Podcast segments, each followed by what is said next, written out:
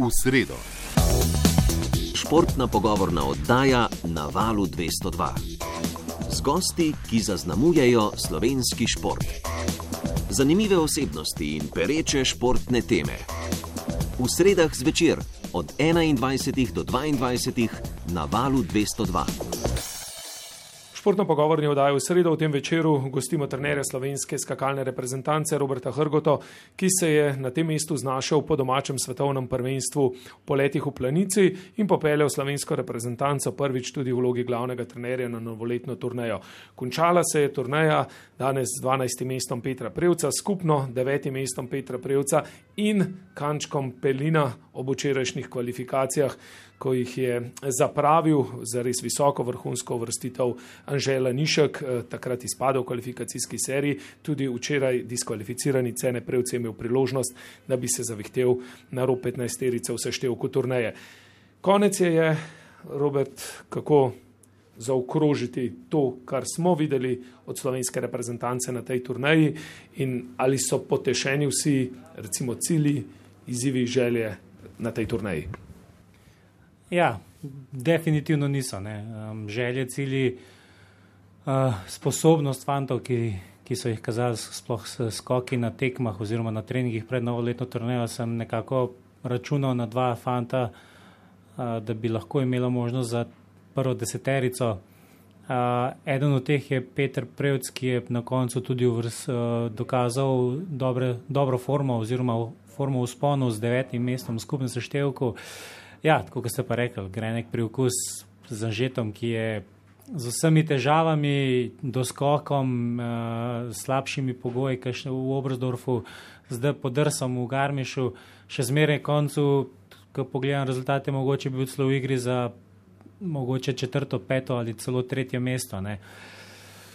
Ja, težko je zdaj uh, biti pameten, kam bi se zavihtel. Zavihtel se je na to mesto, katero je, ampak mislim, da se tudi Anže, tako kot jaz, se veliko naučila uh, iz te izkušnje glavo. Uh, mislim, da ima Anže zelo dobro uh, na mestu, naštimano in uh, mene skrbi za njega za naprej. Je pa res, da je manjko mogoče še kakšen fant. Pred Bišovskovno smo govorili 3 med 15 cilj, na koncu 1 med 10, tanka linija je bila med temi uspehi. Tako da hitro se obrne, očitno pa tudi ta konstanta pri nas manjka, da bi lahko bili bolj suvereni z rezultati.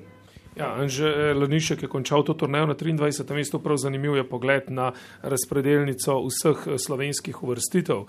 Med deseterico eh, na njej med aktivnimi skakalci samo trije, dvakrat domom prejevc, Uh, šestkrat zdaj že Peter Prejc v 12 eh, turnajih in samo enkrat Jrnej Damjan, pa vsi vemo, uh, dobro poznate tudi čase, ko ste še skakali z njimi, z Robijem Krancem, ne nazadnje zmagovalcem svetovnega pokala Jurjem Tepešem, ki je tudi na tej skakalnici v Bišovskofnu že blestev, pa imamo Timija Zajca, ki mu je takšno uvrstitev morda preprečila zadrga v Bišovskofnu, Anžeta Leniška, ki se je znašel v težavah v kvalifikacijah, narediti je vseeno treba osem vrhunskih skokov rokov in to zanesljivo ni enostavno za nikogar.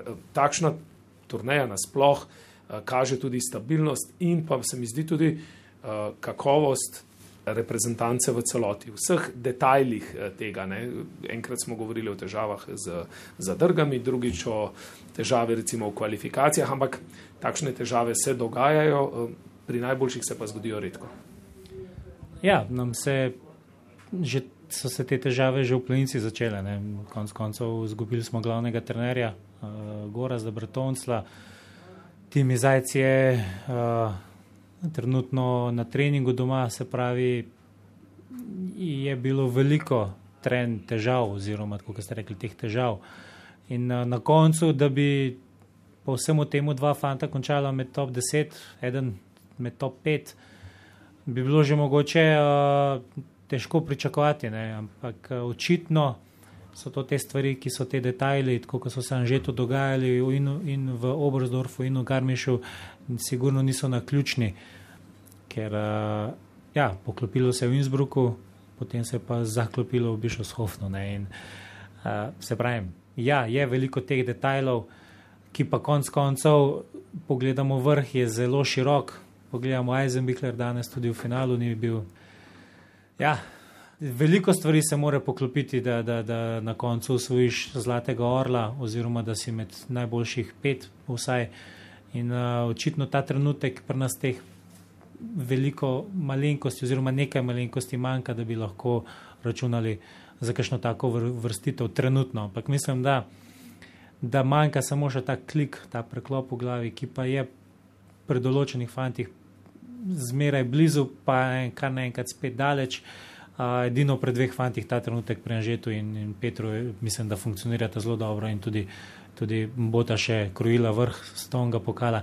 Ostali pa ja, so te neke malenkosti, ki bi mogoče najbolj treba narediti čim prej analizo po novoletni turneji in potem za naprej za obrzdor za tono prvenstvo, da so te detajli popravijo in da lahko potem ciljamo na kolajne. Ja, še nekaj nas uči novoletna turneja. Gre za zelo naporen ritem eh, tekmovanj, skakalnice z različnimi profili in skakalci, ki se iščejo, eh, se veliko krat na novoletni turneji podrejo. Eh, njihova forma izgine, splahni in to ne samo pri recimo primeru Bora Polovčiča, takšnih skakalcev je na tej turneji ogromno v vseh reprezentancah. Po drugi strani pa tisti, ki jim manjka malo, pa začutijo skozi turnejo, da bi lahko se pa zgradijo morda v recimo šampionsko formo kot Kamil Stoh, ki prej v letošnji sezoni ni blestev, ni bil na zmagovalnem odru, ni mu uspevalo. Skratka, tukaj pa se je zgradil do popolnosti znotraj turneje. Eh, Peter je te majhne korake nakazal na tej turneji, uh, Anžej jih je naredil velike, odločne, pa mu je zmanjkalo nekaj sreče. Uh, kaj v prerezu celotne reprezentance v tem pogledu prinesla turneja, uh, je kaj skrbi za kakšnega od skakalcev, bor že vemo, da je na treningu doma, kako ostali, uh, zelo hitro se nadaljuje vse skupaj. Ja. Predvsem, tako kot ste rekli, ne, tudi želani, ko David Kobacki pred začetkom novoletne turneje nikjer, potem pa odnese Orla domov. In letos podobno Kamil, ampak Kamil je že na začetku pred, pred novoletno že kazal te skoke. Od naših sta bila Anže in Peter do tega trenutka s temi mehkimi kliki, ki so jim potem višali nivo skakanja. Peter pred novoletno turnejo še ni bil tako visok, ampak za njega nekako z vsemi izkušnjami, ki jih ima, sem računal, da bo izkokal skok bolje skakal. Anže me je uh, ne, ne presenetil, ampak uh, potrdil, da je konstanten, vse do včeraj. Tako da ja, so te stvari, ki že misliš, da, je, da ni potrebno več skrbeti za njih, te kar naenkrat pride od zadaj in, in, in te opozori toliko bolje. A, pogledamo tudi primer Grane Ruda. Pet zmag, preden smo prišli na novo letno turnejo, danes četrti v skupnem. Uh, Uh, niti ene zmage na turnaji. Niti ene zmage na turnaji. Uh, mislim, da tudi bliz ni bil eni zmagi. Mogoče v Garmišu, v Garmišu je vodil po prvi, ampak ja.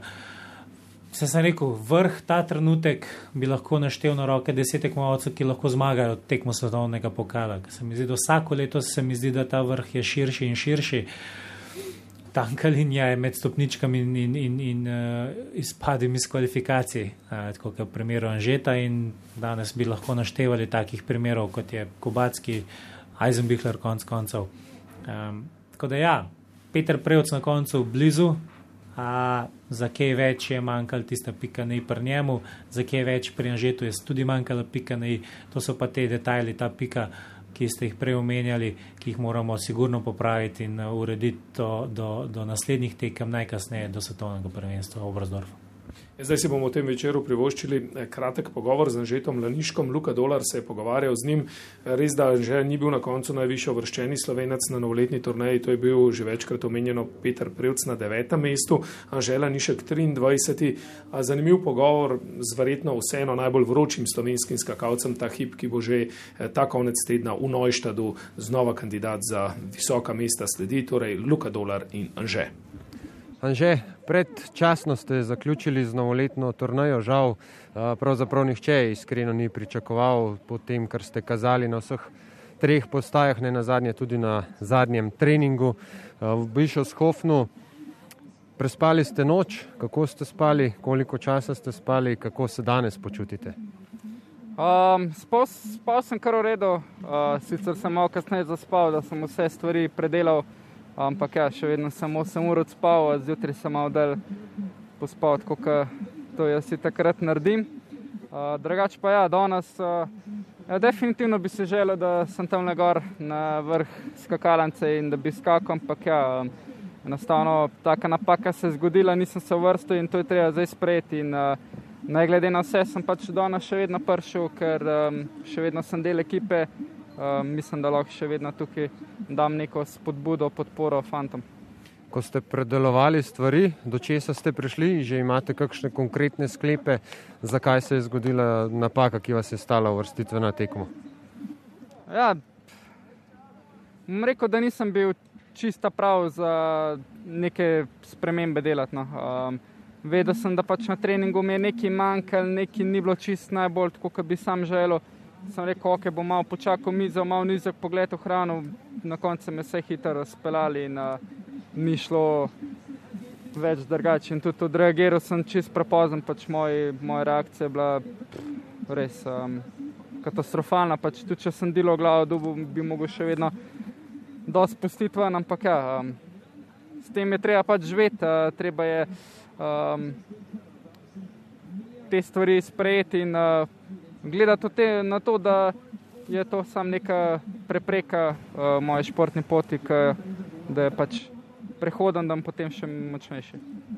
Če bi nam znali nekako razložiti, včeraj zvečer sem si potem tudi sam ogledal tisti skok, ki ste ga naložili na socialna omrežja iz Bišovskov na poleti. Do zadnje črte je šlo um, čisto drugače, jasno je vse zgledalo. Še v Innsbrucku smo se pogovarjali, da boste na teh občutkih probali zgraditi tudi tole tekmo, uh, ki jasno je štela. Uh, kako se izgubi recimo ta občutek, kaj je bilo takrat poleti drugače? Je to zgolj samo pritisk, tekma, trening ali še kaj drugega mogoče? No, mislim, da največja razlika je ja, ta trening, tekma. Um, Skakalnice itak poznam, uh, polet smo bili tle na pripravah in uh, ne vidim razloga, da ne bi znal. Tudi na treningu, kot sem rekel, sem pokazal dosti solidne skoke. Ampak ja, pač v tistem trenutku sem želel preveč in ta prevelika želja me pač stala tega. Spoh ne bi rekel, da je to neka rezultatska, ampak enostavno vedel sem, da sem sposoben več. In namesto, da bi to danes v poskusno serijo odpravljal, pa pač prespal, pa um, šel naprej, pa bi se drug dan vse drugače speljalo, um, je tako pač šlo vse po zlu.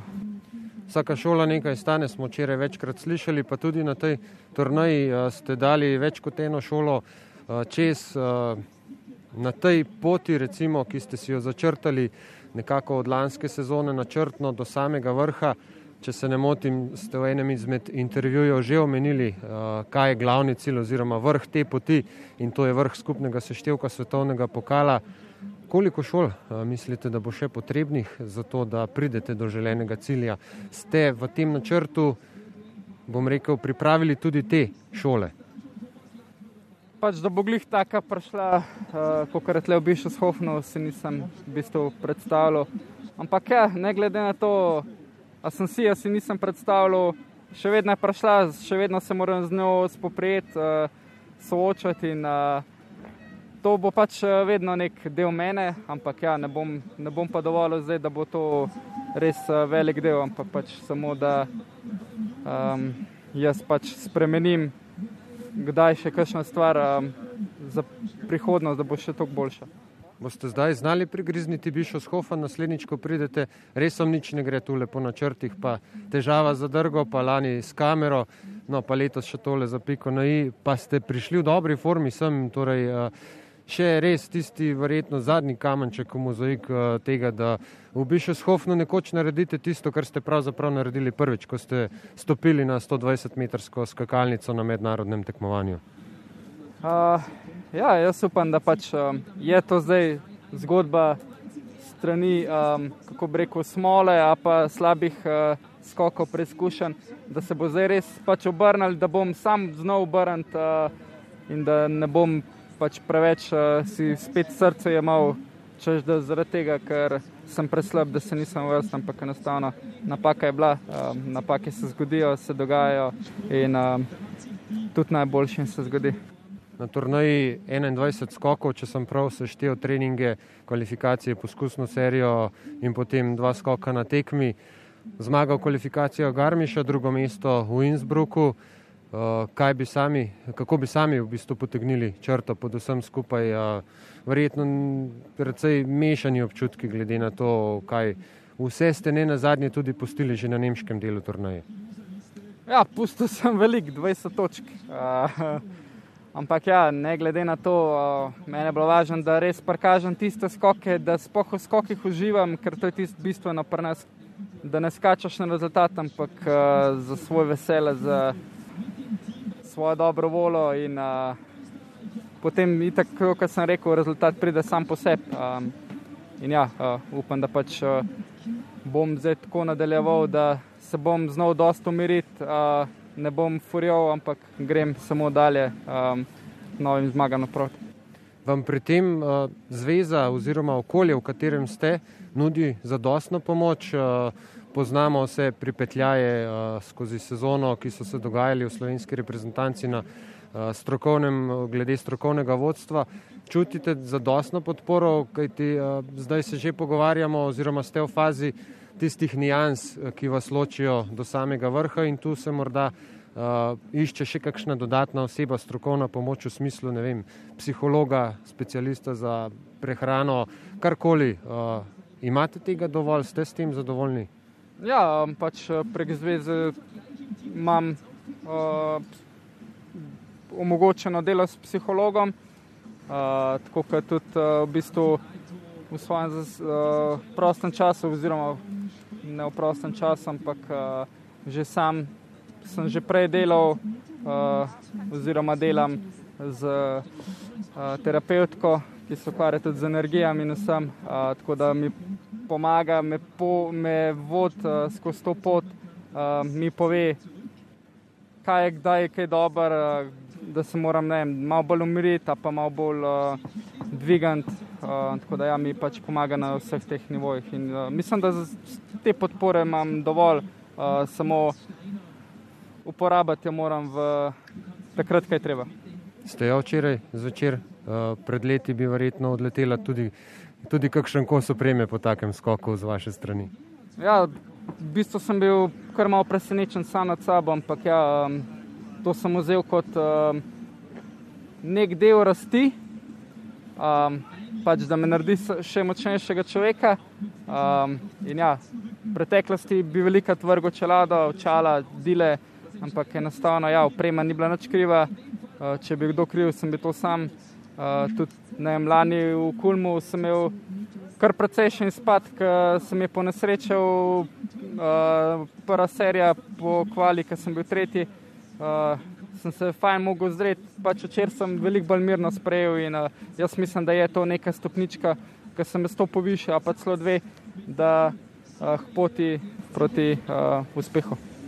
Del te poti je zdaj tudi uh, Robi Hrgota, naš gost, da je v sredo trenutno. On je tudi vaš prijatelj v zasebnem življenju, kako prepletate lahko vse skupaj, glede na to, da niti po samih eh, letih niste tako zelo narazen, eh, da nimo, kako se vse skupaj lahko prepleta trener, tekmovalec in prijatelja.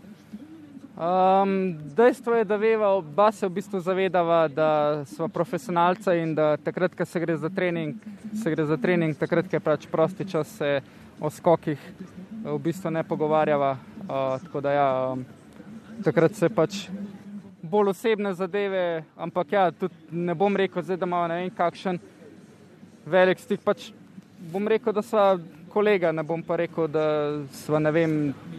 Najboljša prijatelja, ki bi se slišala tudi zdaj, ne vem, vsak dan potekmi, ampak uh, ja, je pa definitivno um, že, ki je bil skakalc. Um, Mu jaz najprej nisem bil všeč, uh, verjetno tudi marsikemu v naši reprezentanci, ker sem bil v bistvu preveč nadut, ampak ja, skozi leta sem se pač spustil malo bolj na realna tla, um, videl, kaj v bistvu v življenju mogoče rešteje, da so to tisti odnosi, ki so bolj pošlihtani, bolj pristni, um, ne da se meče uh, polena pod noge vsakmu, uh, pa kjerkoli.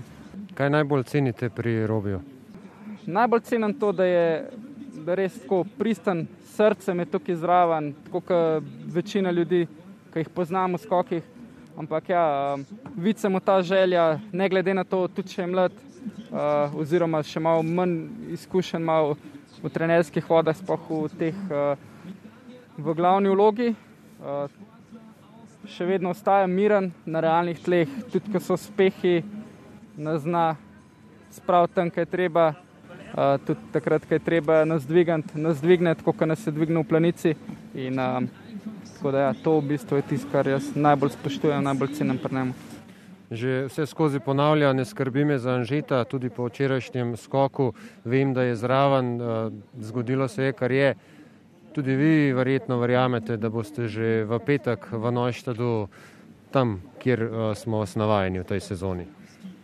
Ja, verjamem. Sej, če ne bi verjel, pa bi se že odpeljal tam, uh, pa bi se tlele skril, ne bi se z nobenim hotel pogovarjati. Uh, v bistvu, Joko bi zaprt za štirim stenam, uh, smilo se sam sebi, tako pa pač ne. Sem rekel, da ne, danes grem na tekmo in uh, ne glede na vse, moramo delati vse profesionalno. Kot sem rekel, tudi sem še vedno del ekipe, uh, ki jim želim vse najboljše.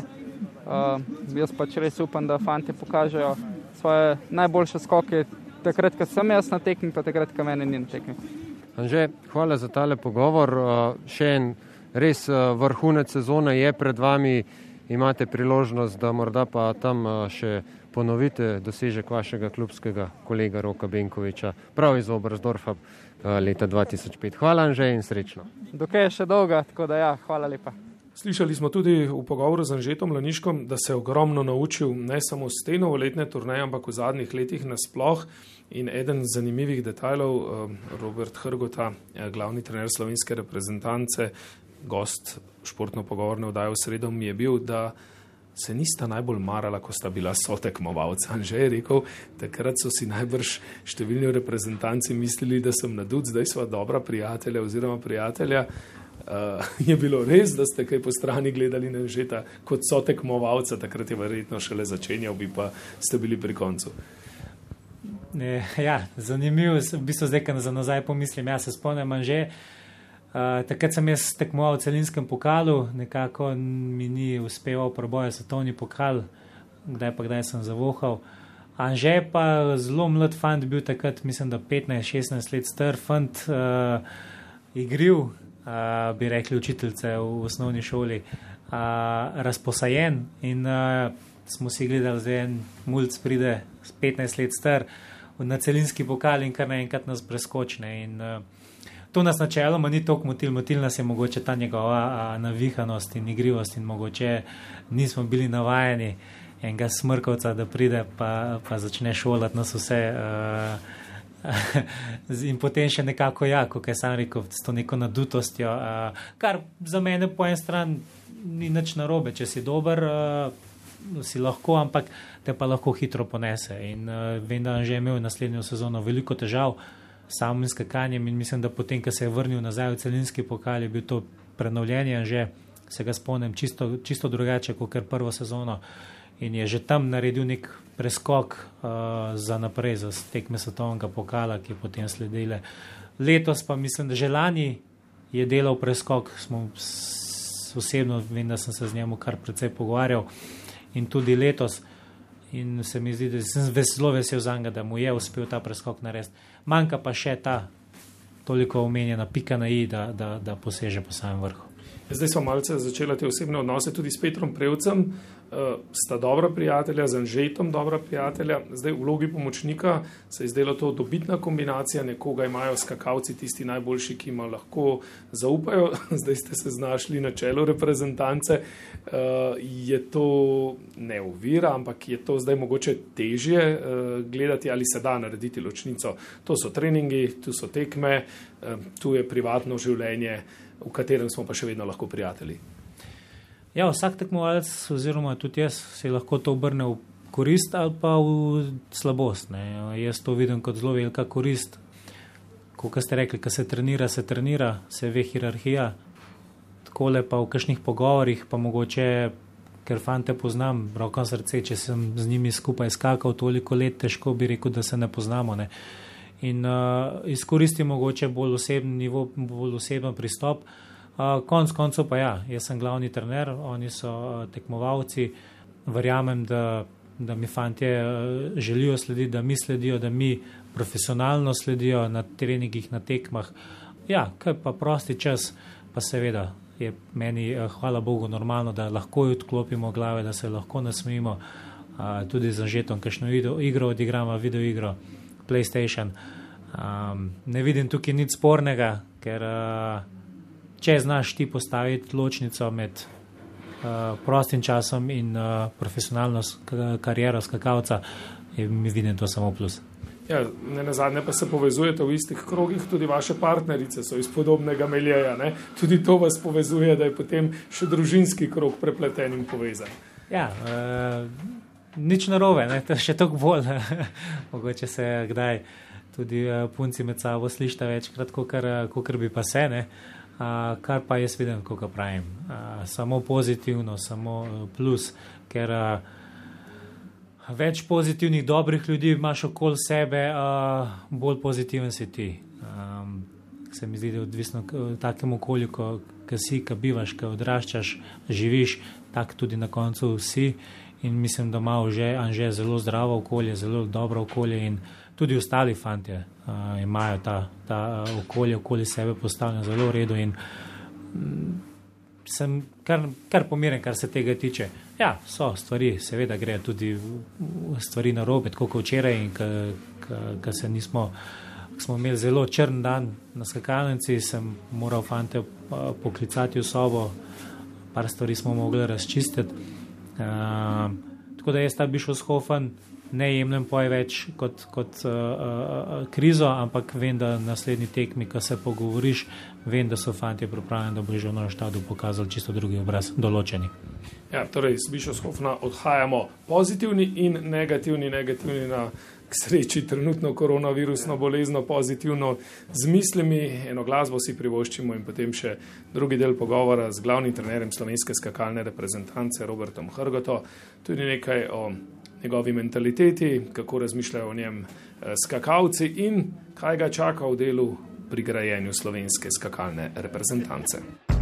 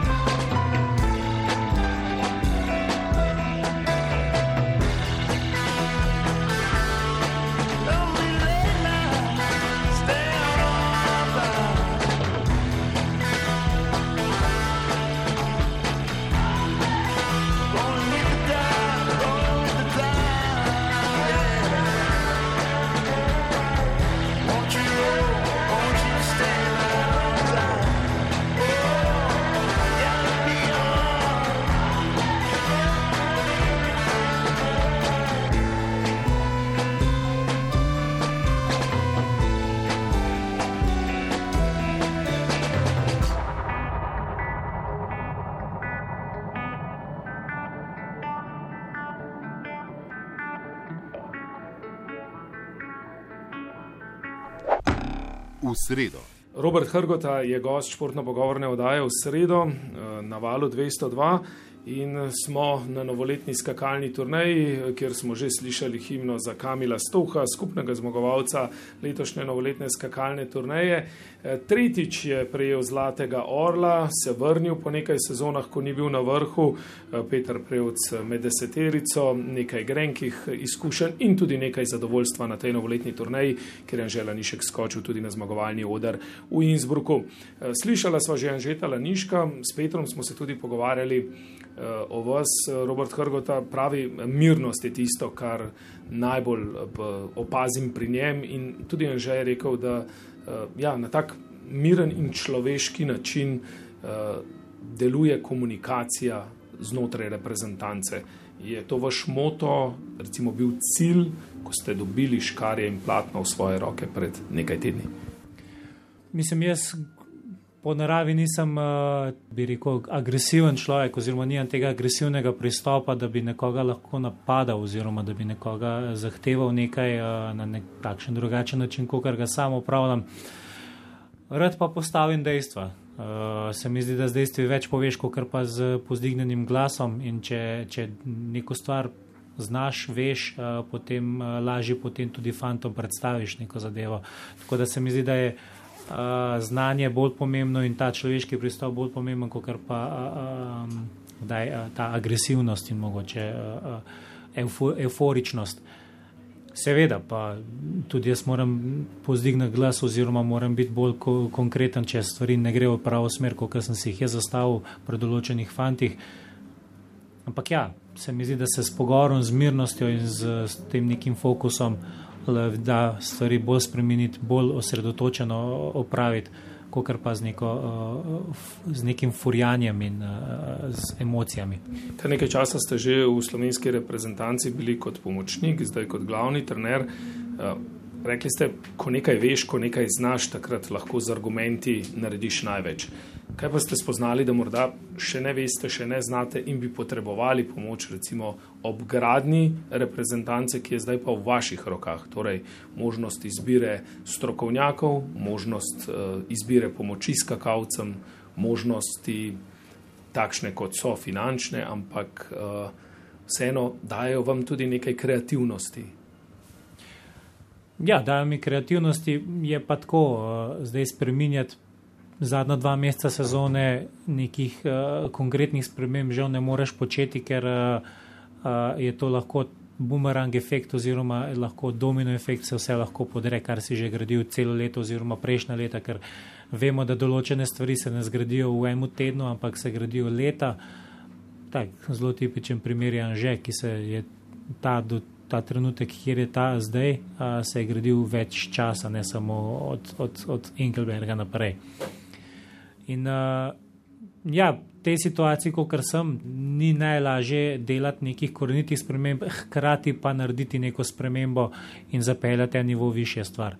Tako da veliko časa porabim, poleg uh, teh tekem, si moram še veliko časa vzeti za planiranje, za naprej, kako kakšno stvar speljati. Uh, imam, moram zdaj enkrat reči, imam tukaj dobro pomoč pri uh, uh, Janiju Grilcu in pa ta trenutek po pomočniku Gašpori Vodanju, ki pa ga še določene stvari moram naučiti, oziroma se mora tudi sam uh, izkusiti in uh, sam naučiti, uh, tako kot smo se vsi morali. Uh, pa gre v pravo smer, je zelo, zelo študiozen, zelo v redu, uh, fantastično. Ja, kar se pa ostalih stvari tiče, pa mislim, da določene stvari, sploh pri kakšni opremi, se še da nekaj spremeniti, da so še neke rezerve. Kar se samega treninga tiče, mislim, da, da smo dobro upravljali zadevo. Je pa, uh, se mi zdi, treba še nekaj jokerje iz rokava potegniti za, za, za, na, za nadaljevanje te sezone. Ja, nekaj v tej sezoni, nekaj v naslednji, sploh ta telesna pripravljenost. Brez kondicijskega trenera je bila dosedanja zasedba v postavi z Gorazdom Bertoncljem. Pa smo potem iz različnih krogov slišali, da kondicijski trener je tisti, ki ga hoče tekmovalec najmanj ima rad. Ne? Da je eh, škoda, da bi se eh, glavni trener v kondicijskem času eh, z nalogami, z idejami, z mislimi še dodatno zameril recimo svojim tekmovalcem. In sicer razmišljate, recimo, da bi poiskali drugega ali pa pomočnika tudi na tem področju? Mislim, za naprej govoriti, za naslednjo sezono težko karkoli komentiram, ker prva stvar je ta trenutek meni to sezono zelo dobro odpeljati oziroma pripeljati uh, čim več točk z tonga pokala. Upam, da želim si medaljo na svetovnem prvenstvu in pa ta zaključek v planici. Kaj bo pa naslednjo sezono, kako se bodo odločili v vodstvu, uh, bi težko komentiral, če v primeru, da, da, smo, da določene ekipe ostane. Ja. Um, se določenih stvari strinjam, da je treba kakšno uh, pomoč tudi poiskati od zunaj, ampak te stvari smo tudi počeli. Mi nismo zdaj zaprli se v sobo, o, tri glave in sami stuhtali to, kar je na papirju na koncu napisano. To je več let izkušenj, več let dela tudi s kondicijskimi trenerji, konc koncev a, z Matjažem Polakom se je del sodelovalo v preteklosti. A, In, in, in iz vseh teh izkušenj potem narediš ti neko, neko, neko uh, bazo treningov, ki, ki je delovala ki je prenašala medalje. In se strinjam, da kakšne detaljne, kakšne malenkosti je treba spremeniti, še bolj kakšne individualne pristope, ampak odkrivati znanost pri teh stvarih se je že večkrat pokazalo, da ni šlo, ker so bili veliko. Znalcev, veliko doktorjev, razne, ne samo medicine, ampak samo veliko, veliko športnih trenerjev, atletskih trenerjev, ki so imeli veliko znanja, ampak na koncu so te skoke tako specifičen šport, da ti z klasičnim treningom, ko kar ne bom zdaj rekel, ko kar je rečemo košarka ali nogomet, ki ko vržeš na koš, treniraš med. Tukaj žal uh, ne gre čisto tako, ne. nekdo na tleh zelo dobro funkcionira, pride na objekt 90 do 100 km na ure brzine in, in kar naenkrat se te občutki čisto podrejo. Skozi izgovora o teh občutkih, občutkih. Ne. In uh, treba je biti zelo pameten in najti to korelacijo med kondicijskim treningom in negovanjem občutkov na tleh in na skakalnici. In uh, ta pristop se mi zdi, da je kombinacija vzga uh, uh, glavni ključ do, do, do uspeha. Ko ste prišli na čelo reprezentance, ste dejali, iščem enega Roberta Hrgota, deklico za vse, v narekovajih bom rekel, ki je seveda bil pridna mravljica v sodelovanju z Gorazdom Bertonclem. Ste ga že našli, svojega dvojnika, bom rekel. Dobro, to sem bolj v šali rekel, da no, slučajno spadal, da sem tako ego, da, da, da, samo, da imam tako visoka merila. Ne, um, bolj sem s tem umislil, da iščem nekoga, ki, ki bo upravljal tak del, kot sem ga jaz upravljal. Uh, ta trenutek je to Gašpr Vodan uh, na tej novoletni turneji in že v Engelbergu se je zelo dobro izkazal. So še stvari, ki, ki se jih mora priučiti, ampak seveda, tudi vsi smo se učili o prihodu, toliko teže za njega, ki je vskočil v, v, v, v, v sred sezone, tako rekoč. In, uh, Ja, zaenkrat mislim, da, da ekipa je sicer mlada, ampak uh, kar se tiče, tiče znanja, mislim, da zelo na visokem nivoju. Konec koncev imamo še zmeraj tukaj v zadju strica Janja, ki uh, skupaj sodelujeva, razmišljava, kako za pripravo, upoštevam njegova mnenja z predihom moje mladosti. Ta mladost, zanimivo, kako izgleda to na trenerski tribuni, kako so vas sprejeli. Uh, trenerji, sej na tribuni ste bili že ne zadnje prej, ne, eh, z ostalimi, ampak zdaj ste najmlajši v vlogi glavnega trenerja. Nekaj imate prijateljev, kot je Bine, eh, tudi še iz prejšnjih časov, nekaj pa tudi verjetno um, trenerjev, ki pa vseeno so v svojem svetu, v svojem mahurčku, pa so bili morda že prej, ko ste bili na tej trenerski tribuni skupaj tudi z Gorazdom Bertoncem. Pa, iskreno rečeno, se mi zdi, da še bolj pozitiven občutek sem dobil na tej trenerski tribuni, ker mislim, vsi poznajo situacijo, ki se je dogajala in a, sploh v Engelbergu in Innsbrucku, ker so bile stopničke in žeta, sem dobil zelo topel občutek ostalih trenerjev, da so mi res pri, privoščili a, a, uspeh. Horngaher me je pogledal, če je rekel: Bravo, Jungs, uh, se je malo nasmejal, se je rekel: Ja, uh, smo še mladi, ne, ampak. Uh, Mislim, da pač takih stvari na koncu je to samo številka, ki, ja, bom poudaril, ki me rečemo, ta neizkušenost, mogoče v Bišosofnu malo koštala uh, pri sami pripravi. Um, ampak ja, bom rekel, da, da, da na trenerski tribuni je zelo, zelo taka pozitivna klima. Že skozi je, te, te trenerji so zelo taki pozitivni, miri, mirni, preprosti ljudje. Uh, Kaj še nje, mogoče bolj zaprt vase, ampak to ne pomeni, da ne rad komunicira, če pristopiš do njega. Uh, predvsem tukaj Aleks uh, Štekel je zelo komunikativen, uh, zelo, zelo prijazen, zelo, oziroma zelo tak uh, pristan, uh, se lahko zelo dobro pogovoriš. Rad, rad se pogovarjam s trenerji, uh, sploh uspešnimi, uh, da nekako vidim, kakšen način razmišljajo, v kakšno smer grejo, v, kako rešujejo kakšne težave in zelo rad crkam te informacije. In že lansko leto sem veliko novih informacij, pozit, dobrih pozitivnih informacij zvedel od njih, ki sem jih letos potem tudi sam malo upeljal. In uh, se mi zdi, da samo ta komunikacija z, z trenerji je samo dobro, pozitivna. Ja, absolutno nekaj zanimivega. Zanimivo pa je tudi to, da imate nekaj dalmatinske krvi, da prihajate iz Velenja, ki ni tipično skakalno mesto kako se je, bom zdaj v narekovajih rekel, dalmatinec eh, v Velenju znašel v smučarskih skokih. In če vam ta dalmatinska krim morda celo pomaga, ne? to so vedri ljudje uh, s svojim temperamentom.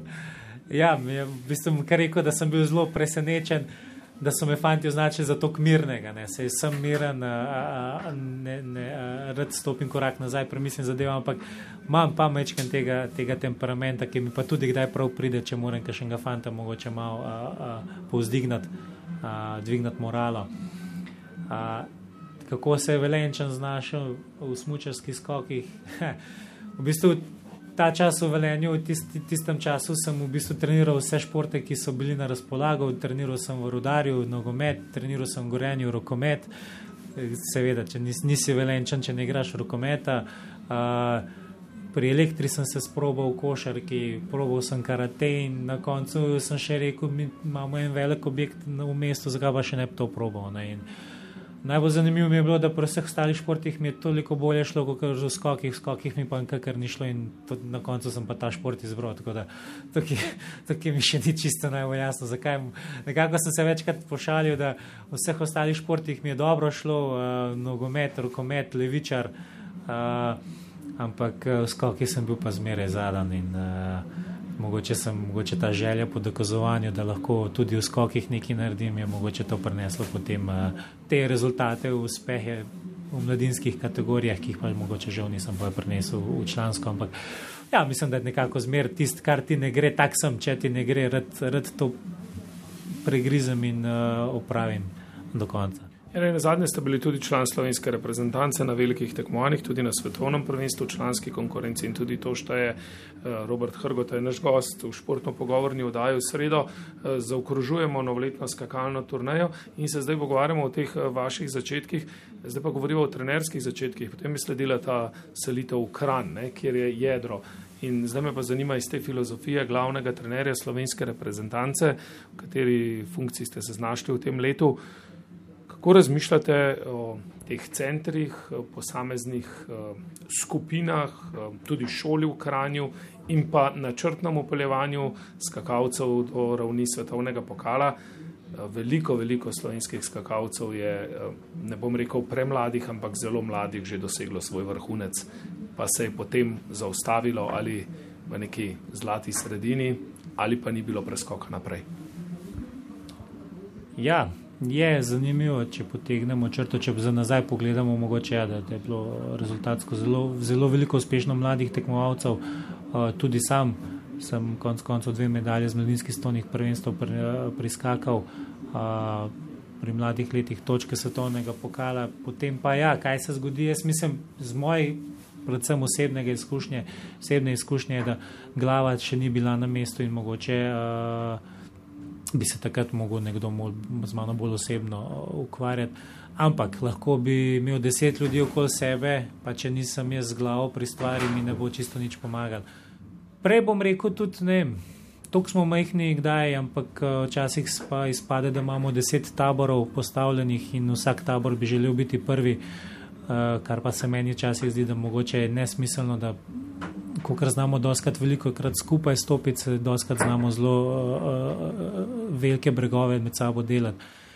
In mogoče je tukaj ta želja po dokazovanju iz, iz, iz kakšnih uh, drugih okolj, ko pride nek mlad tekmovalec, ki je uspešen, je mogoče potem tudi apetit prevelik tisti trenutek uh, od ljudi okoli te osebe in mogoče to tudi ponese samega tekmovalca. Se mi zdi, da se načrtno zelo dobro dela do prvih uspehov, potem pa glava podivja in, in se ta, in ta načrt, načrt podre. In uh, se mi zdi, da mogoče te treba samo bolj bolj ohranjati ta, ta pristop, ta način dela, ki se dela dobro z mladimi, samo potem ta preskok iz mladinsko člansko ohranjati isti način dela, isti nivo in potem pri zrelih 20-ih dosegati vrhunske rezultate, ne pa imeti eno dobro sezono in ugasniti kot sveča.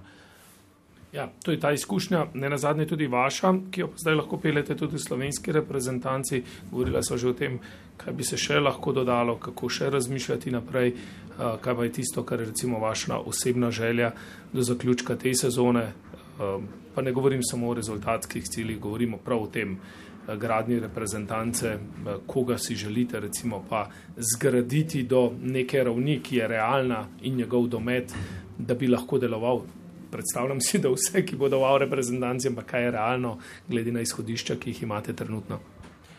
Ta trenutek, če potegnemo črto, ne glede na Bišovshofen, je realno pričakovati, da že ta Lanišek je trenutno glavni adut naš in uh, tako je tudi prav, ker je na visokem nivoju, skače dobro, uh, se še proba pri upremi. Še te detajle najdete, da bomo lahko potem še to piko na i dobili in pri drugih stvarih, ne samo pri upremi.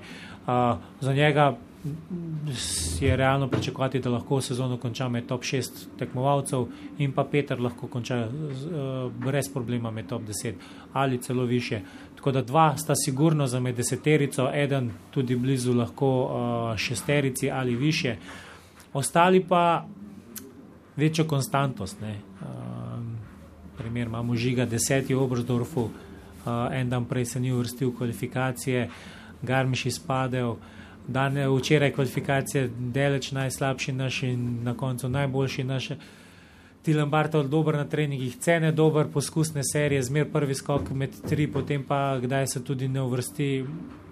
Se pravi, tukaj neki, uh, se pravi, kvaliteta je, zdaj pa samo verjeti vase, da ta rezultat uh, ni na ključe, ampak da je to znanje, ki ga pač ta športnik ima, ta, ta tekmovalec ima in to želim tudi pri njih. Uh, uh, Nekako jih prepričati, no, da, da verjamejo, da so dobri, da so uspešni, da so dobro delali in da, da, da morajo posegati, oziroma ne da jaz od njih zahtevam, ampak mogli bi od sebe zahtevati dobre rezultate po drugi strani je pa v športu tako, da lahko vse pravilno delaš, pa na koncu rezultata na koncu ni in tudi to treba vzeti za kup. Ampak realno mislim, da imamo vsaj lahko 4, 5, 6 fantov močnih, kar pa si želimo močno ekipo, predvsem za svetovno prvenstvo v Brdorfu, ki je seveda želja je medalja. Uh, sposobnosti imamo, ekipo imamo, zdaj pa samo uh, tempirati formo do takrat in to dnevno formo imeti na visokem nivoju. Ja, hvala lepa, želimo vam, da bi vam uspelo. Um, zelo prijeten pogovor v smislu, verjetno tudi prijetnega izziva, ki vas je doletel v vlogi glavnega trenerja. Uh, da bi vam uspelo ne, v vseh elementih, to pomeni, da to ne bi, bil, uh, ne bi bila vloga za kratek čas. Uh, človek bi si želel verjetno tudi možnosti, da sam skreira do konca, recimo eno obdobje. Vemo, naslednje leto so olimpijske igre, potem še novi izzivi. In prav je verjetno, da na svoji funkciji, ki jih gledate, tudi dlje kot samo do konca sezone. Ja, seveda, želje so zmeraj. Uh, mislim, želel sem si biti glavni trener, mogoče ne na tak način, kot kar me je doletel. Prioriteta je sezona, ki je pred mano, uh, da jo probam odpeljati, oziroma jo probam odpeljati dobro, pripraviti te tekmovalce za dobre rezultate. In na koncu sezone bojo, mislim, da. Uh, kot sem rekel, je škoda zgubljati besed, rezultati povejo na koncu, tvoje, kakšno je bilo tvoje delo in pač to je moj cilj, da, da bojo rezultati dobri, potem pa bojo te rezultati povedali, ali so bili dovolj dobri za, za nadaljevanje ali pa je čas za spremembe. Ja, želimo vam uspešno sezono, ne samo zato, eh, da bi, bila, da bi bilo nadaljevanje uspešno tudi za vas, ne na zadnje. Zato smo tu, da se veselimo skupaj z vami, da spremljamo vrhunske slovenske rezultate in da jih lahko spremljajo tudi gledalci in poslušalci doma, ki željno spremljajo smučarske skoke. Robert Hrgota je bil gost športno pogovorne vdaje v sredo. Hvala za ta pogovor in ne nazadnje tudi za to drugo mesto iz Innsbrucka, ki bo lep, lep spomin na letošnjo novoletno turnejo. Hvala lepa.